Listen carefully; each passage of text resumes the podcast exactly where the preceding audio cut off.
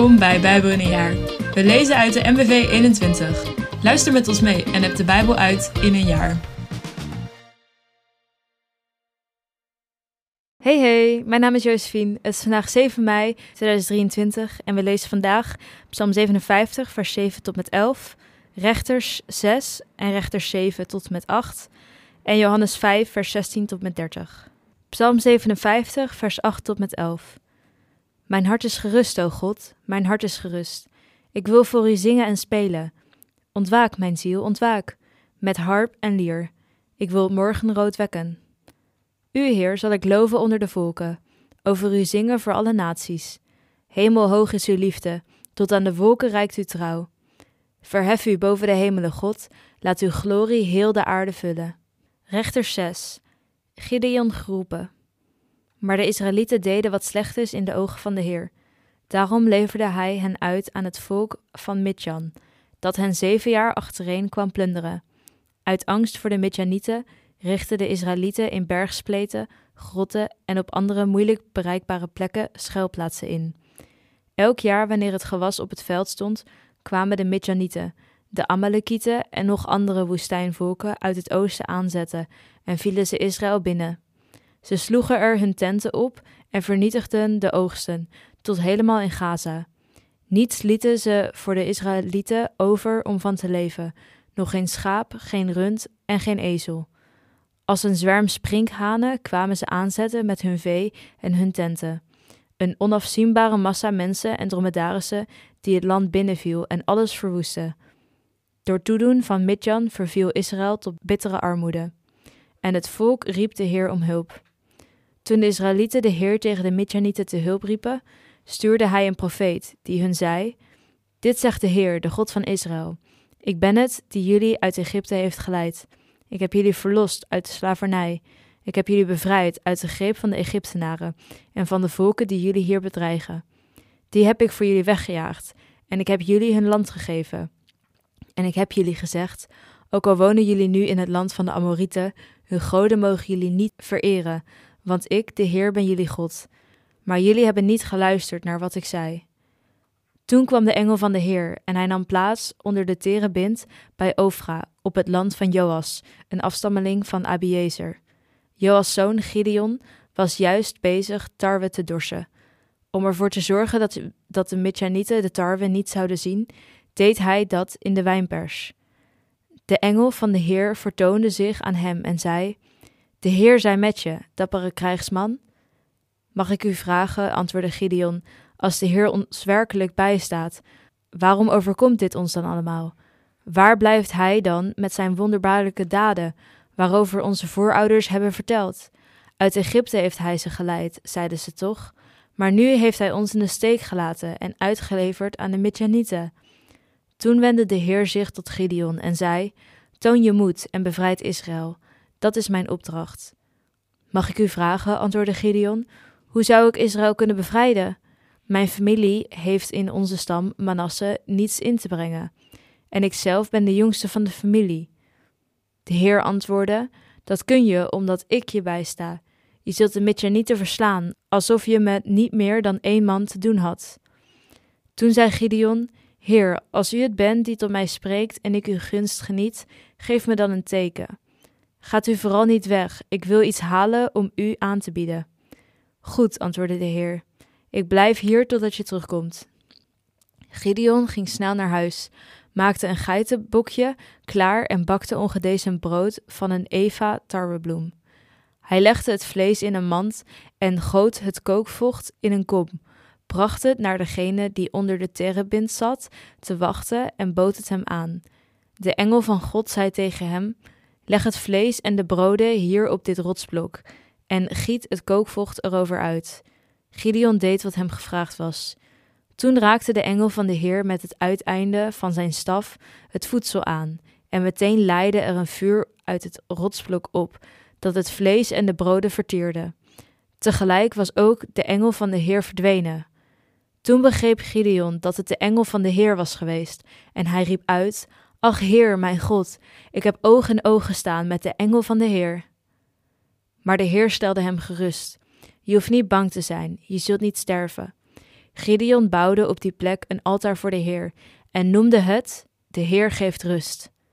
Tot op de dag van vandaag staat dat altaar in Ofra, waar de afstammelingen van Abiezer wonen. Diezelfde nacht zei de Heer tegen Gideon: Neem de stier van je vader, dat prachtbeest dat nu al zeven jaar gespaard is.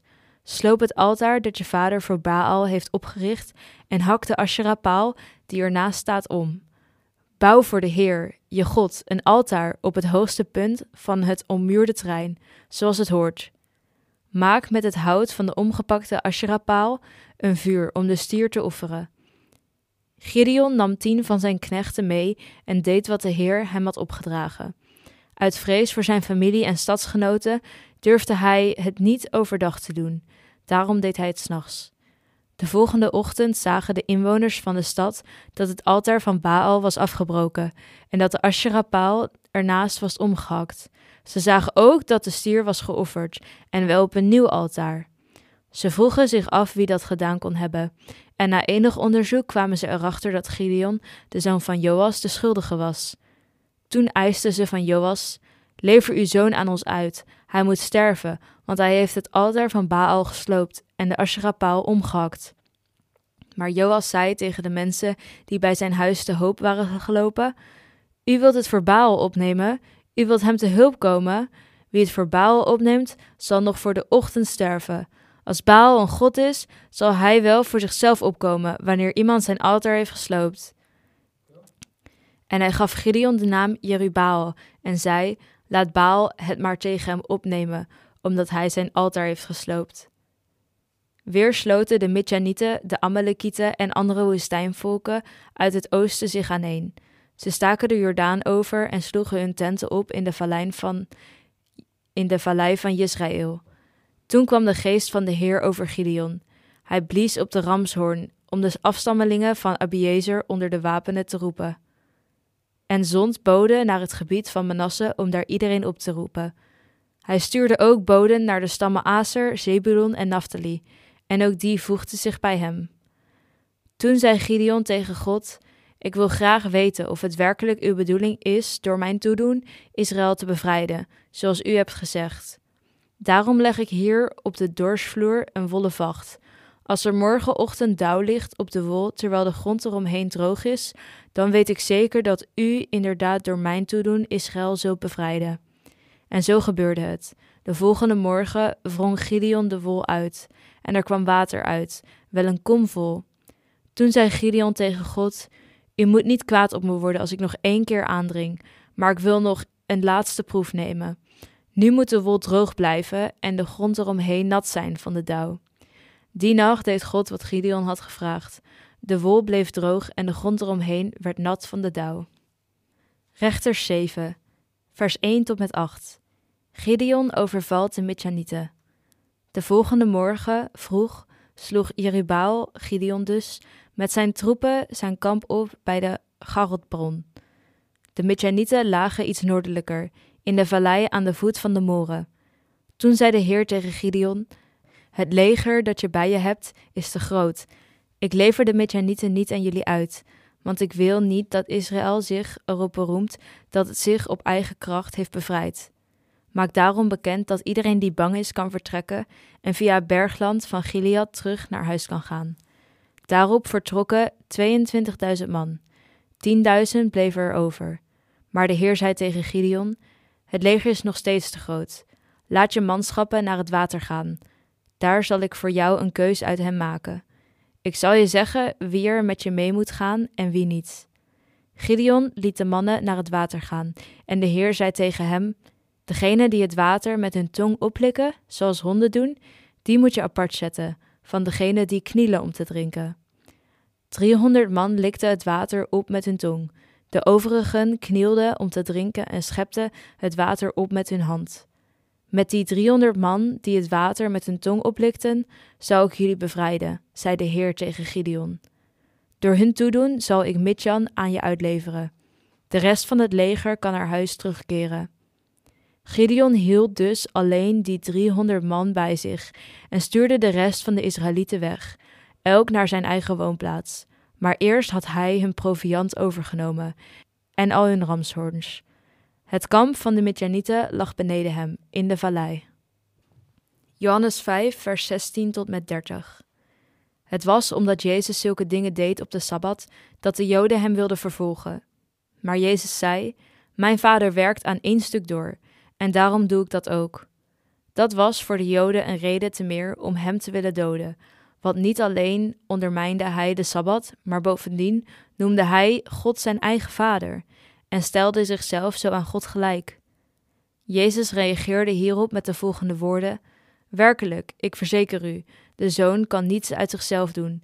Hij kan alleen doen wat hij de vader ziet doen, en wat de vader doet, dat doet de zoon op dezelfde manier.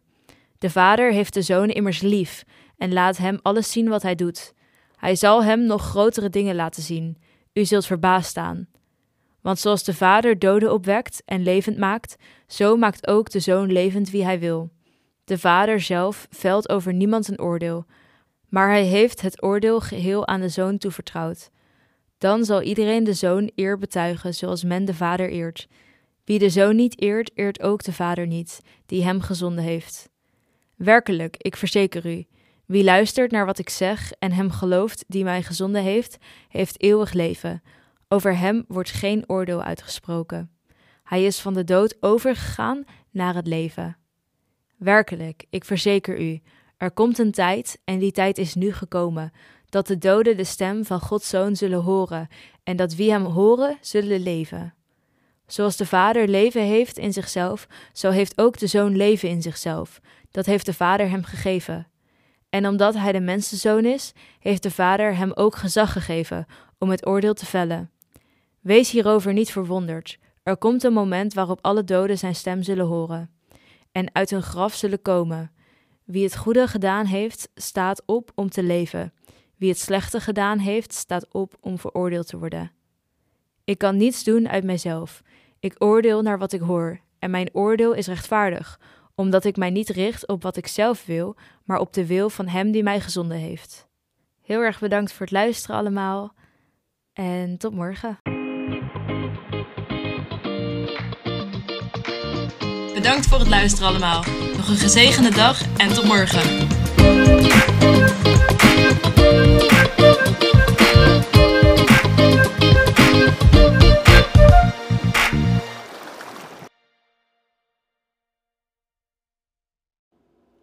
Met dank aan het Nederlands-Vlaams Bijbelgenootschap voor het gebruik van de MBV 21.